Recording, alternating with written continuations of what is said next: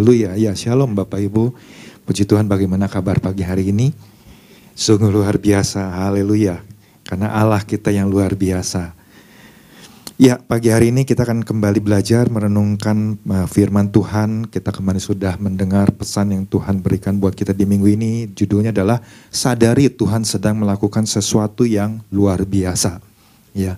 Ini artinya kan bahwa kita terus diingatkan bahwa Tuhan sedang melakukan sesuatu dalam kehidupan kita pribadi lepas pribadi. Nah, Bapak Ibu, Kemarin Bapak Gembala sudah menjelaskannya dan melalui pesannya ini kita diingatkan bahwa Tuhan punya skenario yang besar. Ya. Tentunya atas setiap hidup kita masing-masing ya. Dan Tuhan sedang melakukan sesuatu yang luar biasa. Jadi lewat pesannya ini kita juga diingatkan bahwa apa pun yang mungkin hari-hari ini kita sedang alami sekarang ini mungkin. ya Mungkin kita nggak mengerti, tapi pada akhirnya pasti nanti kita akan dibuat mengerti. Nah, kemarin kita belajar ada satu masa, ada satu titik uh, kritis disebut ya, titik kritisnya di mana orang percaya ini kan ya di antaranya mereka bisa menjadi lemah, menjadi kecewa, menjauh dari Tuhan, menjadi biasa-biasa saja, jadi dingin, ya tidak mau melakukan apa-apa, atau mungkin sebaliknya justru pada saat di titik kritis ini orang percaya mereka bisa uh, tetap ya dengan hati yang penuh dengan ucapan syukur ya melihat apa yang Tuhan sedang lakukan dalam kehidupannya ya. Dan kemudian bagaimana kita dengarkan untuk mungkin buat orang ini dia sedang mempersiapkan dirinya ya mempersiapkan dirinya untuk melihat apa yang nanti eh, hal-hal uh, dahsyat apa nih yang akan terjadi ya. Nah artinya kan kita dengar uh, ada lonjakan iman ya nah itu kan kalau kita renungkan poin-poin itu itu kan menjadi sebuah apa introspeksi buat kita semua. Hari-hari ini kita itu ada di dalam titik yang mana sih? Ya. Apakah kita menghadapi di titik yang pertama, mungkin kita menjadi lemah, kita menjadi kecewa, atau mungkin kita lagi jauh dari Tuhan, ataukah mungkin di hal yang kedua, kita menjadi orang yang biasa-biasa aja, menjadi dingin, gak mau melakukan apa-apa. Atau mungkin sebaliknya kita menjadi orang yang penuh dengan ucapan syukur. Itu menjadi perenungan buat setiap kita semua ya. Nah, eh, saya eh, bacakan kembali apa yang menjadi pesan Tuhan ya buat kita minggu ini sama seperti Petrus yang tidak memahami apa yang sedang Yesus lakukan.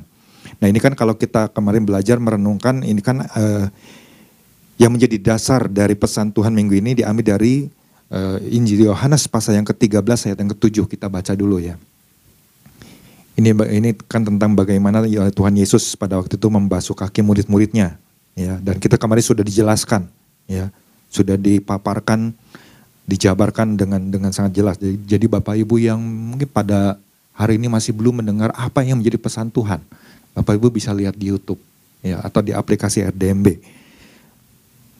Nah kita baca dulu ya ayatnya di ayat yang ketujuh. Yuk kita baca sama-sama satu ayat ini.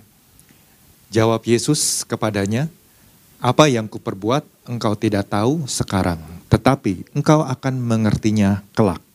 Nah, yang menjadi pesan Tuhan buat kita dikatakan begini, sama seperti Petrus yang tidak memahami apa yang sedang Yesus lakukan. Demikian pula halnya mungkin saat ini, ya, yang lagi terjadi dengan kita.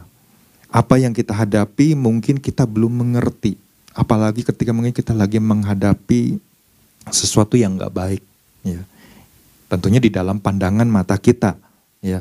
Kita menganggap, waduh ini sesuatu yang rasanya lagi dan ini, ini kok lagi nggak baik sekali ya yang saya alami. Atau mungkin kita pernah mengalami yang namanya kemarin kan dijelaskan kegagalan atau mungkin ada rasa kekecewaan apalagi kan mungkin ketika kita ditinggal oleh orang yang kita kasihi ya. Kadang-kadang kan kita nggak mengerti Tuhan kenapa ini terjadi?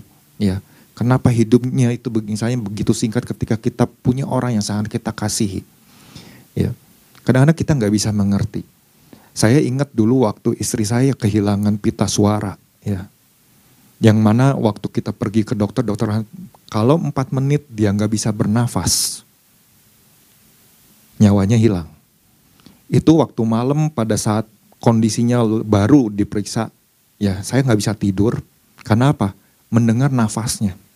Setelah bernafas, berhentinya itu lebih dari satu menit Bapak dua menit sampai saya di situ datang cuma sama Tuhan Tuhan pokoknya aku percaya Aku percaya apa yang terbaik Tuhan yang lakukan. Kalau sampai kira-kira mungkin istri saya pada waktu itu Tuhan ambil, ya. Apakah saya bisa tetap berkata Tuhan aku tetap percaya. Nggak mudah Bapak Ibu. Waktu menjalaninya itu nggak mudah. Dan itu yang Tuhan lagi ajar. Ya. Ada masa-masa di mana ya memang kita nggak ngerti. Ya.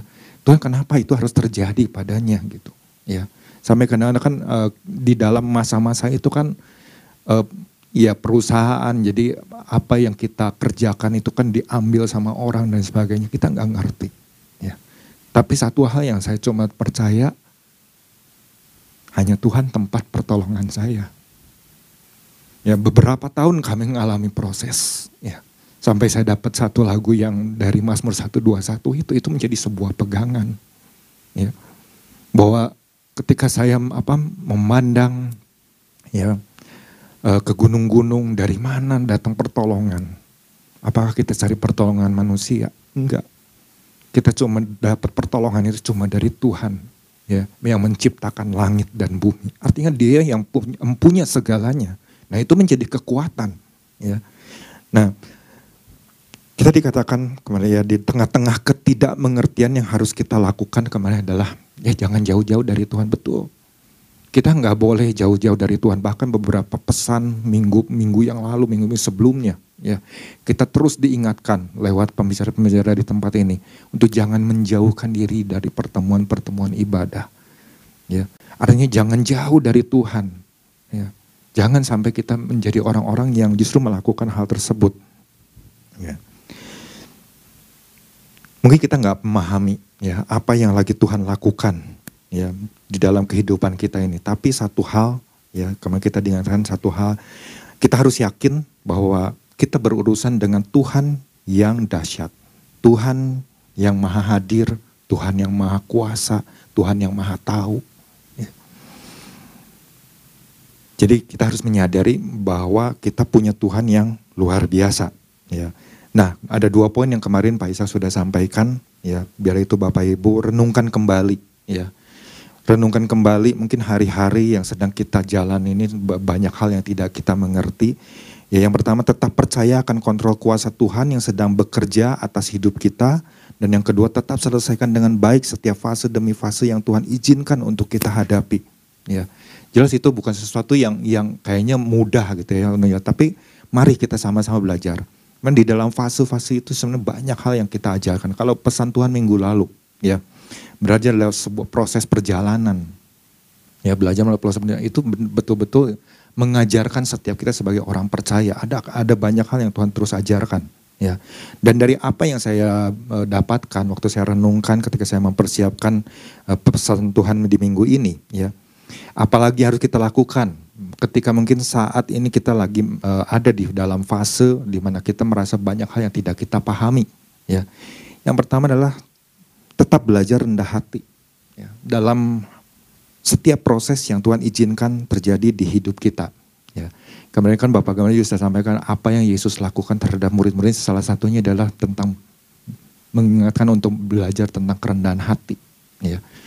Nah ternyata untuk proses belajar untuk rendah hati itu memang nggak mudah ya.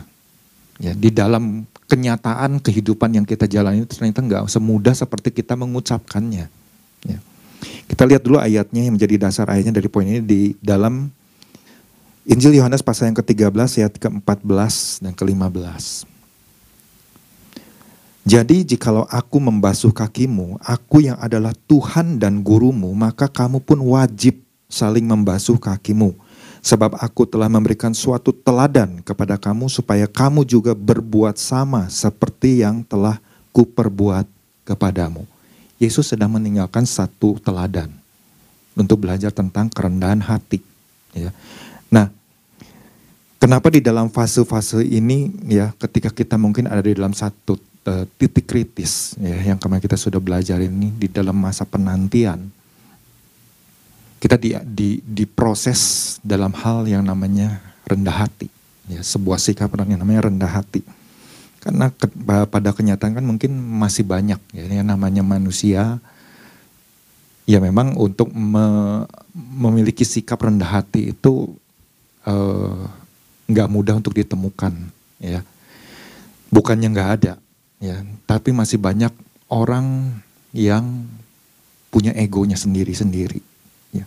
Mementingkan dirinya sendiri, segala sesuatu untuk dirinya, ya. Orang lain udah nggak peduli, ya. Ya kita ingat bagaimana keadaan manusia pada akhir zaman ya, udah nggak mempedulikan lagi. Ya kasih itu udah menjadi dingin, katanya seperti itu juga. Ya, nah jadi ketika saya renungkan, iya ya ternyata yang namanya rendah hati ini mungkin buat kita sebagai orang percaya, Tuhan aku lagi sudah melakukan yang namanya rendah hati. Tapi kan itu mungkin menurut pendapat kita sendiri. Belum tentu sama dengan apa yang Tuhan mau. Ya. Makanya kita harus terus belajar melatih diri hari lepas hari yang namanya sikap rendah hati ini. Ya. Kalau kita ingat yang pesan Tuhan minggu lalu, ya pesan Tuhan minggu lalu kan ini jelas-jelas ya belajar melalui proses perjalanan ini kan bagaimana pada waktu itu Musa ya diingat, e, mengingatkan kembali kepada bangsa Israel tentang seluruh perjalanan yang mereka alami di padang gurun selama kurang lebih 40 tahun ya ada tujuannya enggak? Jelas ada tujuannya. Ya. Nanti Bapak Ibu bisa lihat kembali ya pesan Tuhan uh, di minggu lalu. Tujuannya adalah salah satu maksudnya adalah untuk merendahkan hatimu. Ya, dikatakan merendahkan hatimu. Artinya proses untuk rendah hati itu harus terus kita hadapi hari lepas hari. Di dalam segala apa pun situasi yang kita hadapi. Ya. Mungkin kita ngalami yang namanya gesekan ya entah itu dengan saudara seiman, entah itu di dalam keluarga, ya, atau mungkin dengan orang-orang yang terdekat, ya, atau uh, banyak hal yang bisa kita kita uh, terjadi di dalam kehidupan kita, ya. Ketika hal itu mungkin terjadi kan kadang-kadang ada orang yang berpikir, saya nggak ngerti ya kenapa, saya harus ngalami hal ini, padahal saya nggak melakukan sebuah kesalahan misalnya, ya tapi kenapa itu harus terjadi? Ya, kenapa justru saya yang dibenci? Ya, kenapa saya yang yang dipojok? Ya, di yang yang dipojokkan seperti itu? Ya, yang ditumpahkan segala kesalahan. Kadang-kadang kan ada yang mungkin mengalami, pernah mengalami di dalam satu titik seperti itu. Ya, atau mungkin juga karena tidak menyadari kesalahannya. Ya, bisa saja terjadi. Ya, nah itu kan sebuah proses di dalam ketika kita tahu bahwa ah ini Tuhan lagi melakukan sesuatu yang luar biasa kalau kita lihat perjalanan Yusuf yang kemarin dipakai sebagai contoh, ya. Mungkin kalau Yusuf nggak punya yang namanya kerendahan hati, ya. Kenapa dia harus ngalami ini? Kenapa dia harus ngalami dibuang di sumur? Apa salah dia? Dia kan cuma mau bawain makanan gitu. Tapi kenapa sampai kakak-kakaknya itu nggak menjadi orang yang tidak menyukai dirinya, ya dan lain sebagainya. Sampai dia harus ngalami proses dan proses di setiap fasenya. Ya, kemarin kan kita diingatkan satu poin, ya jalani setiap fase itu dengan baik. Ya. Berarti kan ada satu hal yang terus kita harus melatih ya diri kita di dalam menghadapi segala situasi apa pun. Sikap rendah hati. Ya. Tujuannya adalah apa? Kalau kita kadang-kadang ketika kita dalam perjalanan mungkin kita merasa wah ini kan karena aku. Semuanya karena aku bisa. Aku hebat. Aku punya pengetahuan. Aku punya pengalaman. Kalau mungkin di satu titik kalau kita nggak belajar namanya rendah hati, kemudian mungkin kita ada di dalam satu titik misalnya masa kejayaan, kita akan melupakan yang namanya Tuhan. Nggak seutuhnya kita menganggap, oh semua karena Tuhan. Tapi ketika kita belajar proses yang namanya rendah hati dari hari ke hari, di dalam satu titik ketika kita mengerti, kita akan berkata, pertama-tamanya pasti akan keluar dari mulut kita adalah, semua karena Tuhan, bukan karena hebat-hebatnya aku. Semua karena penyertaan Tuhan. Semua karena Tuhan yang mengizinkan dan lain sebagainya. Segalanya adalah tentang Tuhan. Itu adalah tujuan kenapa kita harus belajar untuk rendah hati. Ya. Jadi ketika kita ingat, wah di satu titik nih, kalau Tuhan katakan bahwa engkau nanti akan ngerti. Ya. Di dalam prosesnya kan kita nggak mudah untuk menjalani, nggak akan mudah. Ya. Karena kalau Bapak Ibu baca di dalam Ibrani pasal 12, ya. Kita lihat aja ya Ibrani pasal 12 beberapa ayat.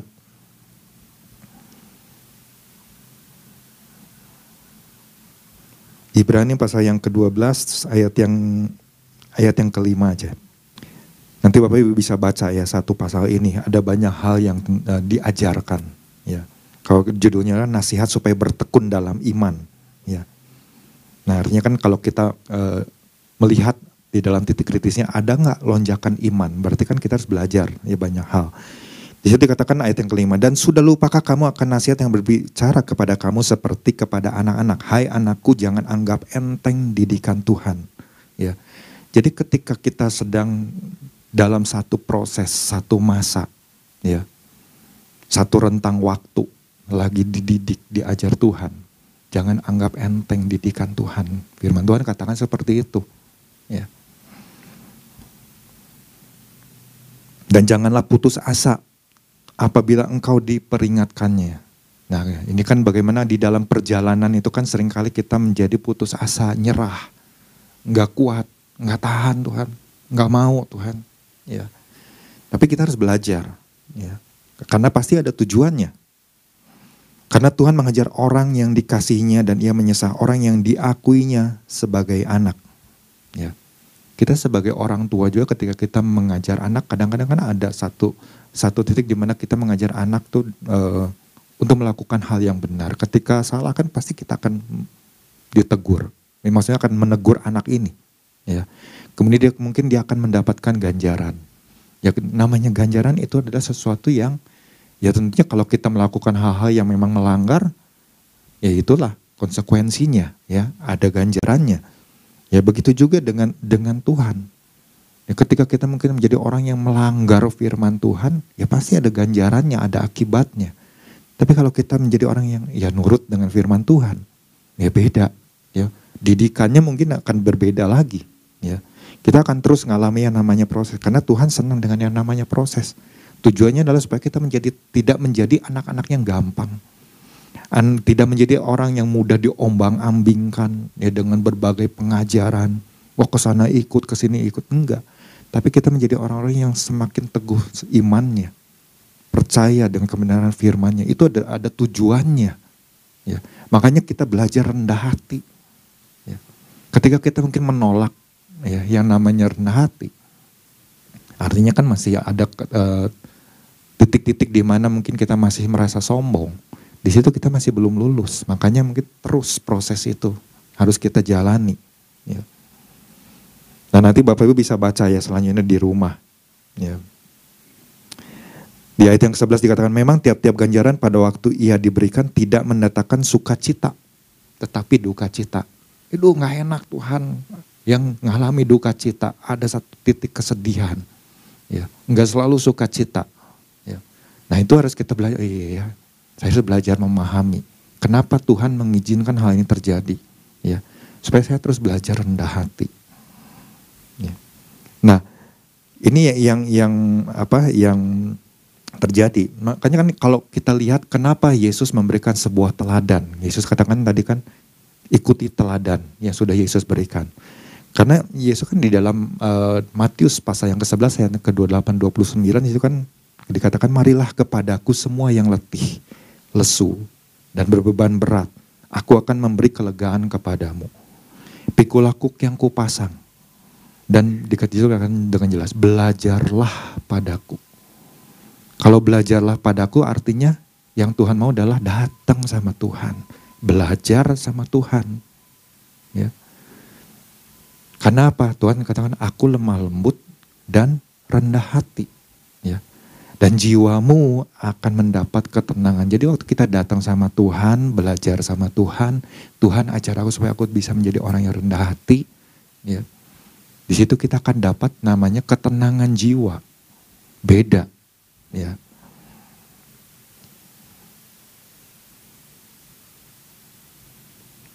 Kenapa kita harus terus melatih? Ya yang namanya sikap rendah hati. Karena firman Tuhan sudah sangat jelas. Allah menentang orang yang congkak ya dan mengasihani orang yang rendah hati. Nah, Petrus ini belajar ya. Di dalam ketidakmengertiannya ini di dalam perjalanannya Petrus ini belajar. Makanya dia menuliskan salah satunya di dalam satu Petrus pasal yang kelima ayat yang kelima. Demikian jugalah kamu hai orang-orang muda tunduklah kepada orang-orang yang tua dan kamu semua rendahkanlah dirimu seorang terhadap yang lain. Sebab Allah menentang orang yang congkak tetapi mengasihani orang yang rendah hati. Ya. Jadi kita belajar ya sebuah saya yang namanya rendah hati. Rendah hati di dalam bahasa asli itu tapeinos ya. Kalau di dalam bahasa Inggris sering disebut dengan humble lowly. Lowly dalam hal apa? In spirit, lowly in spirit, dalam hal roh. Nah, bagaimana kita harus harus belajar untuk itu? Ya, kita harus melatih mau nggak mau. Ya, di dalam segala apa yang terjadi, sikap yang harus kita tunjukkan adalah, ayo latih. Oh, dalam hal ini saya harus belajar rendah hati apa nih? Ya, kalau nggak ngerti, ya kemarin Bapak Gembala sudah ingatkan, cari, cari tahu, datang sama Tuhan. Ya, Datang sama Tuhan, tanya sama Tuhan. Ya. Mungkin kita cuma dikasih pengertian sedikit. Nggak apa-apa sedikit. Justru itu kita bersyukur. Tapi kita harus terus cari tahu. Ya.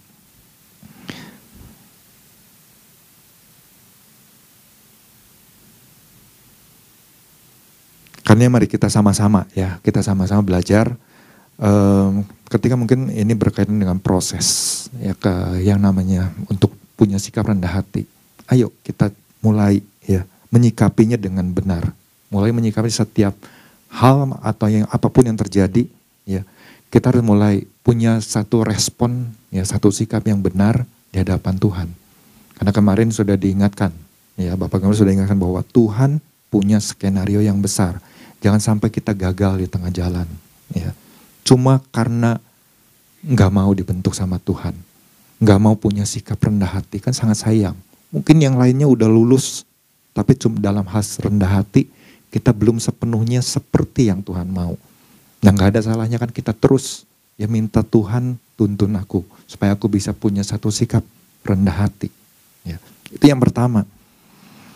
Yang kedua yang saya dapatkan adalah tetap mau belajar untuk menyelami pikiran Tuhan meski itu sulit untuk dimengerti. Pikiran-pikiran Tuhan, jalan-jalan Tuhan adalah sesuatu yang sulit untuk dia mengerti. Firman Tuhan katakan itu. Ya. Bahkan mungkin nggak ada satupun yang bisa mengerti.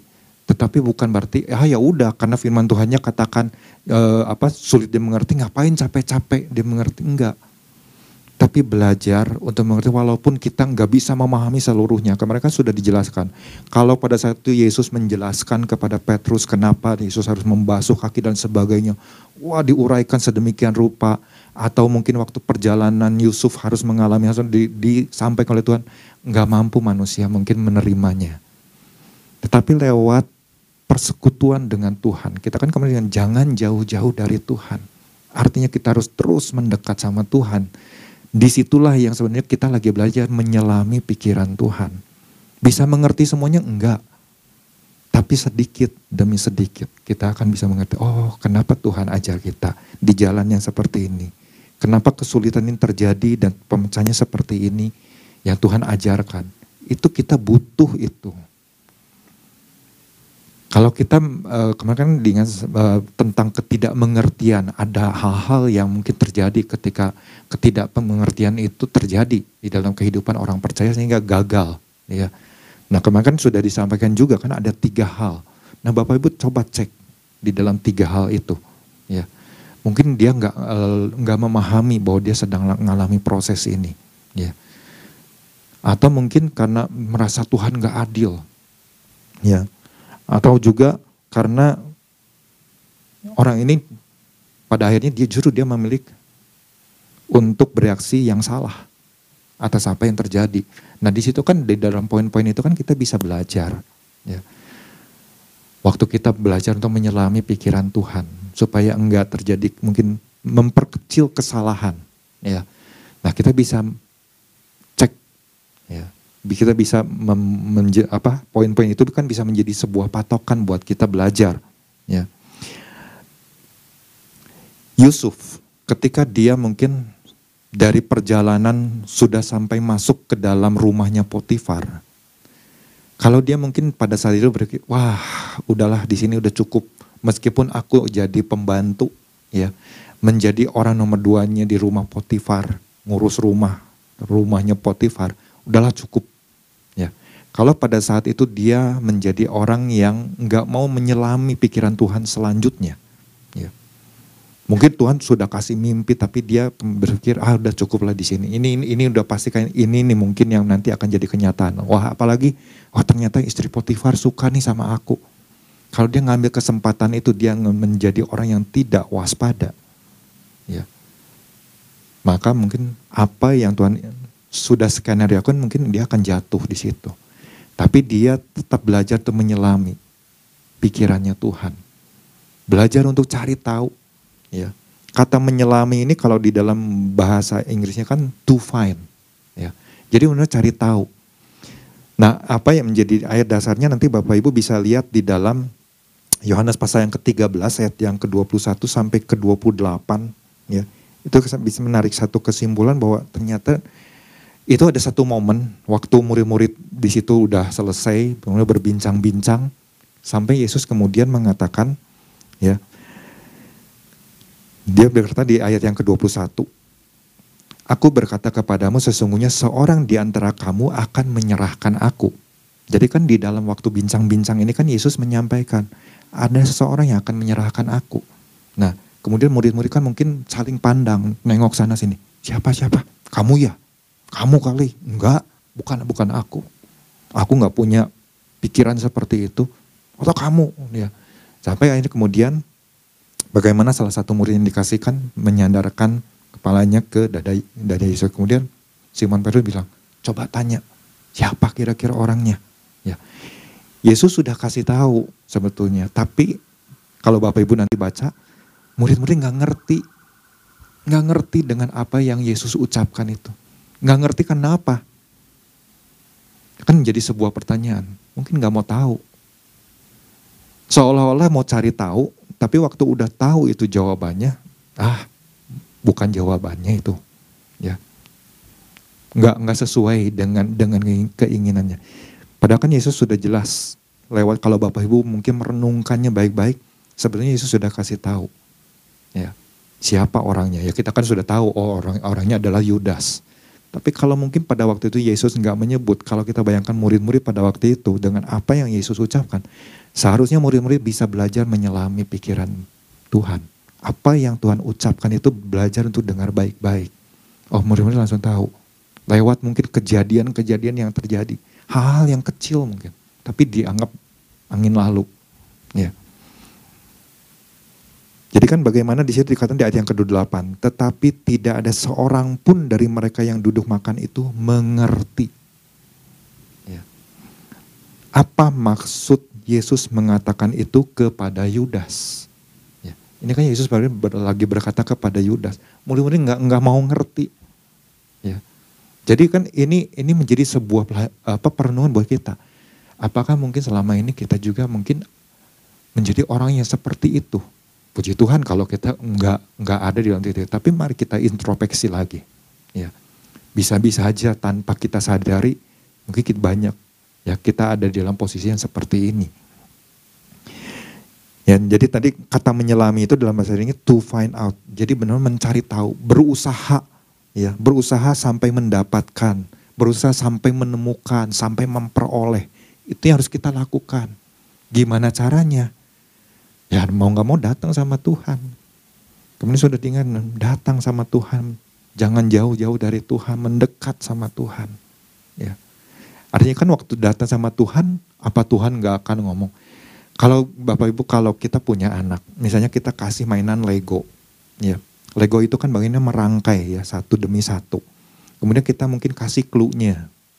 Buku petunjuk nggak kita langsung kasih tahu secara keseluruhan kita kasih tahu clue-nya ini loh. Ini dasarnya, ini kemudian kamu bangun ini, ini, warnanya ini, ya terus kita kasih clue-clue-nya. Si anak kemudian membangun ya Lego tersebut. Atau mungkin bisa waktu itu kan ada ada kertas petunjuknya. Anak-anak anak-anak ngikutin itu. Kemudian nggak kalau nggak ngerti, anak ini pasti kan akan bertanya. Kita sebagai orang tua pasti akan memberi kasih tahu sedikit demi sedikit supaya anak ini mampu nggak mungkin nggak kasih tahu. Ya kamu pecahin aja sendiri. Ya kamu cari aja sendiri. Enggak kan. Tapi belajar. Coba nah kamu cari yang bentuknya seperti ini. Coba cari di antara tumpukan-tumpukan uh, Lego itu ya yang warnanya ini.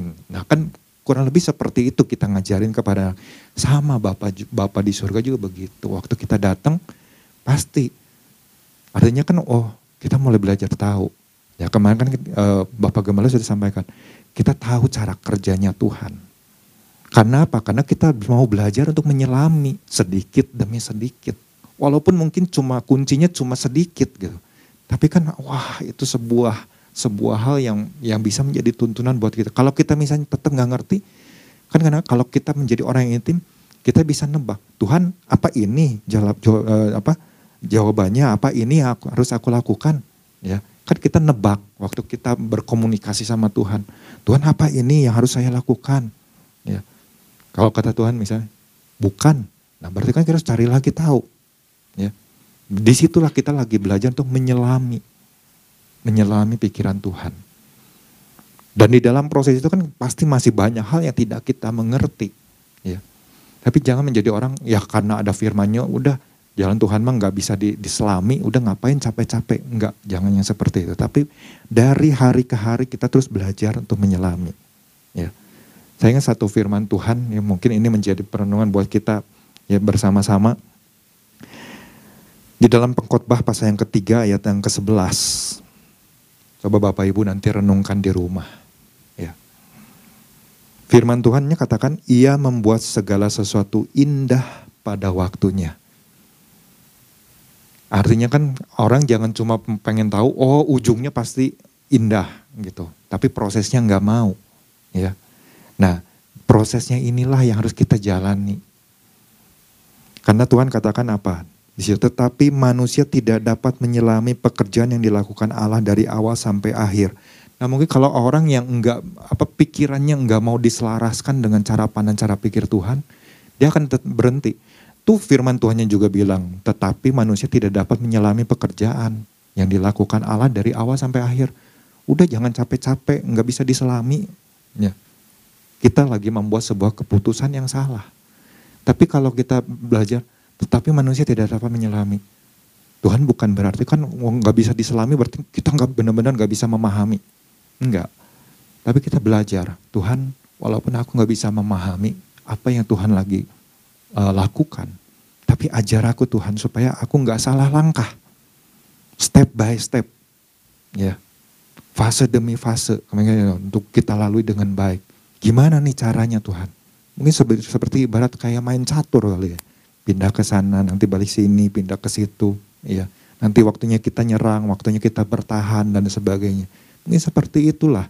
Tetapi di situ banyak hal yang sebenarnya bisa kita belajar. Ya, banyak hal yang kita bisa belajar. Kalau kita udah berpikir kita nggak mau untuk menyelami pikiran Tuhan, berarti yang namanya kerendahan hati di poin tadi aja udah nggak kita lakukan. Kalau kita belajar untuk, oh iya, iya Tuhan berarti saya harus menyelaraskan cara pandang, cara pikir saya. Paradigma saya harus berubah nih. Ya. Nggak bisa pakai lagi cara yang lama, nggak bisa pakai lagi mungkin lewat pengalaman pengetahuan. Tapi Tuhan saya mau belajar untuk apa yang kata Tuhan. Ya. Saya harus berubah dalam hal apanya. Ya. Dan di situ kan kita bisa tanya sama Tuhan. Berkomunikasi sama Tuhan. Dan itu akan menjadi sesuatu yang indah. Ya. Nah karenanya mari Bapak Ibu, ini yang yang sama-sama kita belajar ya. Buat seorang seorang Yusuf juga kan dia uh, waktu dia udah tahu dia melakukan hal yang benar, apakah berhenti sampai di situ? Wah sampai kemudian dia dijebloskan lagi ke penjara? Enggak, dia tetap pasti dia tanya sama Tuhan, Tuhan saatnya aku ada dalam penjara karena aku difitnah. Apa yang aku harus lakukan? Ya tetap lakukan pekerjaanmu. Mungkin Tuhan bilang seperti itu kali. Lakukan yang terbaik meskipun engkau ada di penjara. Sampai bagaimana peng, uh, kepala penjara sampai mempercayakan apa yang ada dalam penjara kepada Yusuf. Ya. Artinya kan di situ bagaimana seorang Yusuf belajar untuk terus menyelami pikiran Tuhan. Dan kemarin kita kan sudah belajar ya di kejadian pada akhirnya bagaimana Yusuf itu mengatakan kepada kepada saudara-saudaranya tersebut. Oh iya ya ternyata namanya proses menyelami itu adalah sesuatu yang harus kita latih juga dari hari ke hari.